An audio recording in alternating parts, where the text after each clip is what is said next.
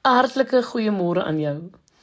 Ek wil graag vandag bietjie met jou praat oor hoe weet 'n mens dat dit God se stem is wat jy hoor. Nou kyk, Rick Warren het 'n handige 7-punt toets waaraan hy sê jy enige boodskap kan meet. Hy sê dat as die boodskap een van hierdie toetse faal, kan jy maar weet dat dit nie God se stem is wat met jou praat nie. Ek deel dit met jou. Die eerste een is stem dit wat die persoon vir jou sê ooreen met wat die Bybel sê.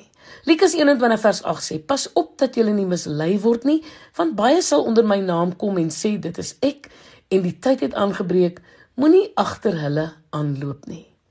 Die tweede punt is: as ek hierdie stem gehoorsaam, maak dit wat ek nou gaan doen my meer soos Christus. Onthou Filippense 2 vers 5 sê dat dieselfde gesindheid moet in julle wees wat daar ook in Christus Jesus was. Gaan hierdie besluit of boodskap enige iemand seermaak? Terwyl daar bitter bittere naaiwer en selfsug in julle harte is, moet julle nie daarmee spog dat julle wysheid het nie, want dan praat julle nie die waarheid nie. Dit sê Jakobus 3 vers 14 tot 17.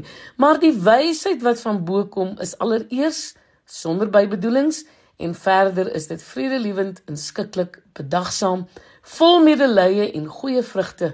Dit is ook onpartydig, opreg.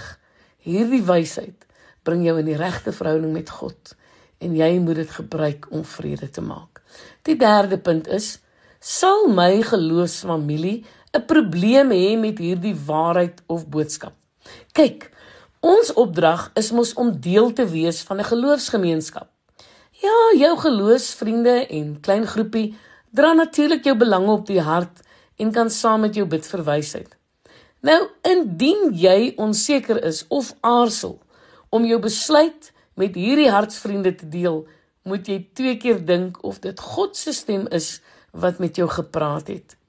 Nommer 4 pas hierdie idee in by dit wat God my gemaak het om te wees. Met ander woorde, God het jou gemaak met 'n bepaalde doel in gedagte. Ja, jy is toegerus met jou spesifieke geaardheid, jou gawes en jou talente.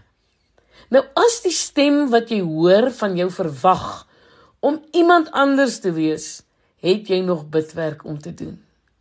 Kyk Efesiërs 2:10 sê in Christus Jesus het hy ons geskep om ons lewe te wy aan die goeie dade waarvoor hy ons bestem het. Nommer 5. Is hierdie boodskap vir my bedoel of vir iemand anders? Nou, Rick Warren het 'n mooi verhaal van 'n vrou wat na een van sy preekreekse vir hom gesê het dat God sy geheime sonde vir haar uitgewys het. Jong sy onmiddellike antwoord was dat hy haar nie glo nie. Waarom nie wou sy toe weet. Hy sê vir haar omdat ek pas 3 ure lank in gesprek met hom was en hom gevra het om alles vir my te wys. Hy sou my direk gesê het as daar iets was wat ek moes weet. Nou ek wil vir jou sê daar is mense wat God gebruik om met jou te praat of dinge aan jou te bevestig. Maar gewoonlik lê daardie goed reeds in jou hart, so hulle getuig eintlik net saam met wat reeds in jou hart is. Maar daar is mense wat goeie inspraak in 'n mens se lewe kan lewer, maar jy moet versigtig wees want jy moet dit toets. Nommer 6 sê, indien hierdie stem my wil leer of teregwys, is die boodskap verdoemend of opbouend.